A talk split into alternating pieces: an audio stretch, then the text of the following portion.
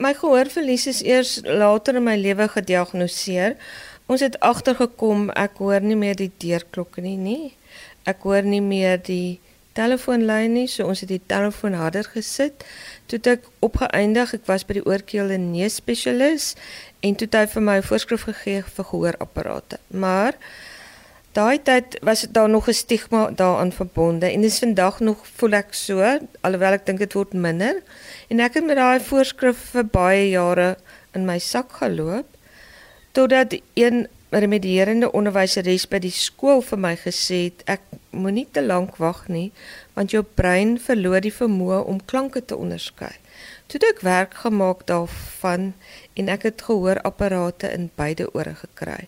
En ek dra nou al vir amper 13 jaar gehoorapparate en tans het ek my derde stel gehoorapparate en ek wil ook ek kan sien hoe mense lip lees en hoe mense sukkel wat nie kan hoor nie en dit is vir my baie baie hartseer want vandag kan daar werk gemaak word daarvan want net soos wat jy 'n bril kan dra kan jy gehoorapparate dra Ek sit nou hier en wonder, daar swart ehm um, jare lank musiekonderwyseres by die Laerskool Summerwood of Ellis by die NG Kerk Bomer. As jy so lank met die voorskrif in jou sak rondgeloop het en gelip lees het, hoe kon jy die musiek hoor? Ek het baie min in 'n formele klassituasie lesse gegee. Ek het maar meer met een kind gewerk of twee kinders so. So dit was maklik. As ek in 'n klassituasie het het ek maar geloop tot naby 'n kind wat 'n vraag gevra het en dan het ek gehoor wat die kind sê. Maar as ek nou gelip lees, het jy nou maar ek in die personeelkamer met iemand gepraat en na die tweede keer wat ek sê, "Man, jammer ek kan nie hoor nie," dan het ek maar 'n snaakse laggie gegee wat ja of nee beteken het alhoewel ek dan nou nog steeds nie geweet het wat die persoon vir my gesê het nie. En wat was die verskil tussen die twee? Sonder die gehoorstukkies en met die gehoorstukkies. Ja, nee, dit het my lewe regtig verander want ek kon toe vir die eerste keer die sleutels oorklingel in die kar soos wat ek bestuur. Ek kon die hond se toenaals hoor op die houtvloer, so sulke goeters. 12 jaar het ek gehoorstukke gedra by die skool alhoewel min mense daarvan regtig geweet het. So jy het lekker aangepas en uh, eintlik 'n vol nuwe lewe gehad met die gehoorstukkies en toe tree af en toe word jou lewe weer donker vir jou. Ja, dit was my aanvanklike aanpassing want jy het 'n vol lewe gehad en ewe skielik is daar niks om jou dag mee te vul nie. Ek het toe 'n vriendin van my wat eintlik maar 'n kennis was, Matilda Hornsveld het my genooi om duette by haar te kom speel. Nou Matilda, dit was is, is interessant hoe sy ook in my lewe gekom het. My man Nico gee hout draai lesse en sy het toe die kursus by hom begin en dan praat hulle oor musikale goeters. Nico hou ook van musiek, maar alhoewel hy weet nie veel nie, maar dan het Matilda al hierdie hoë woorde gebruik en dan verstaan Nico dit nie altyd nie. Toe sê hy nee jong, jy sal maar my vrou moet ontmoet. Toe sê sy net maar heel dit En toe het Matilda en Elmarie by ons kom kuier en daar het ek gehoor wat 'n formidable vrou Matilda eintlik is, klavier gewys. En hier is Matilda nou ook hier by ons. Ons praat gou met julle twee voordat julle nou hier weer een van julle unieke klavieruitvoerings gee. Matilda, jy het kom aftree in die baai. Ek het kom aftree in die baai, was betrokke by die Staatsteater, ek was koormeester van die opera departement en ek het vir 23 jaar was ek begeleier by Pretoria Boys High. My werk het behels om met sangers te werk, om klavier te speel en kore te dirigeer en ek het toe afgetree en gedink dis nou die einde en ek gaan nou nie eintlik vreeslik baie meer doen nie.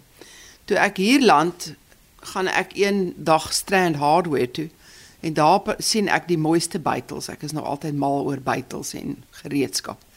En 'n man kom en hy sê vir my, "Wil jy leer draai?" Ek sê, "Ja, ek wil leer draai." Hy sê, "Wag net so 'n bietjie."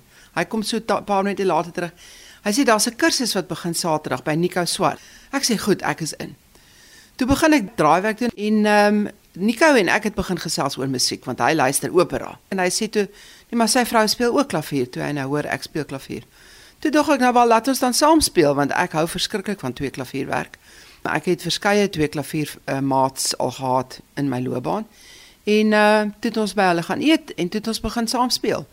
twee klavier werk? Kan jy asseblief net 'n bietjie meer verduidelik?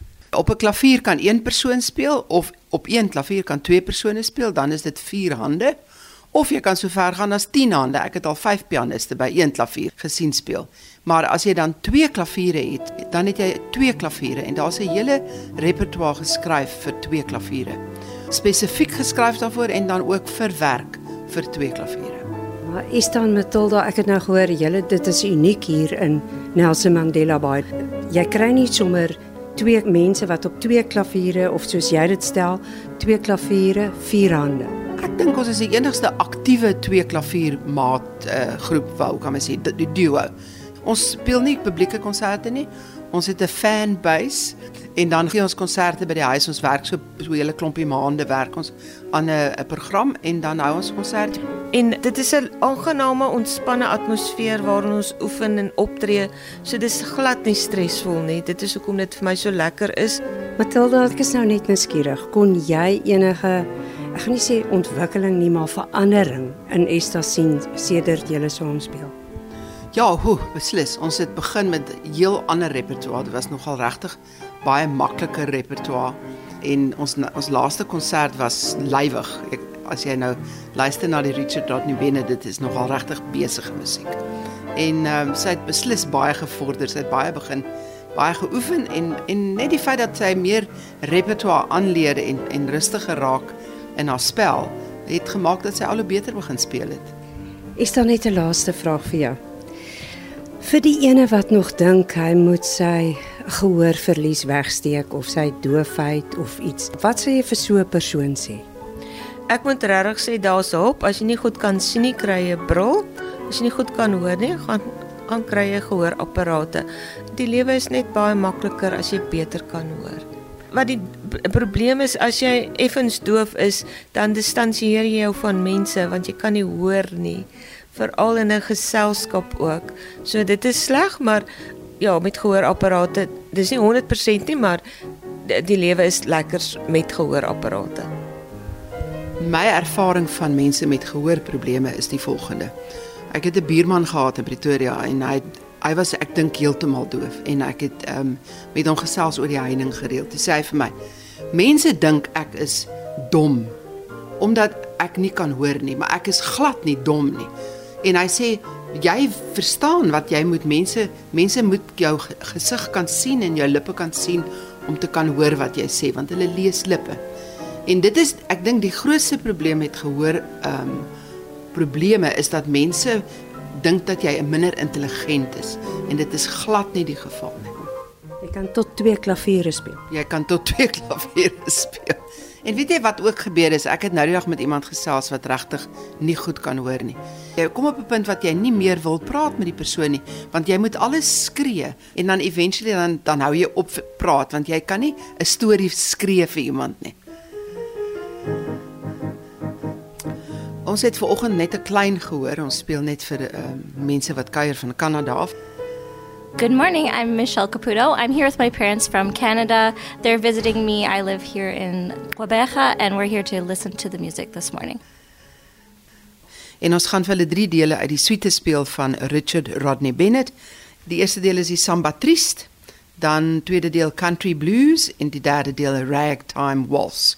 Dis 'n spesifieke vorm die pianis Scott Joplin.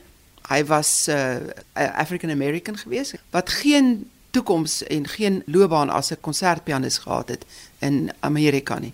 Toe hy begin speel in kroë en clubs en hy het toe hierdie unieke styl self begin. En dis 'n ragtime dis gewoonlik in twee en dit 'n spesifieke ritme sinkopeerde ritme en almal herken dit. Dit is die entertainer wat uit 'n fliek uitkom ek weet nie wat die fliek is nie maar dit is 'n spesifieke styl wat almal ken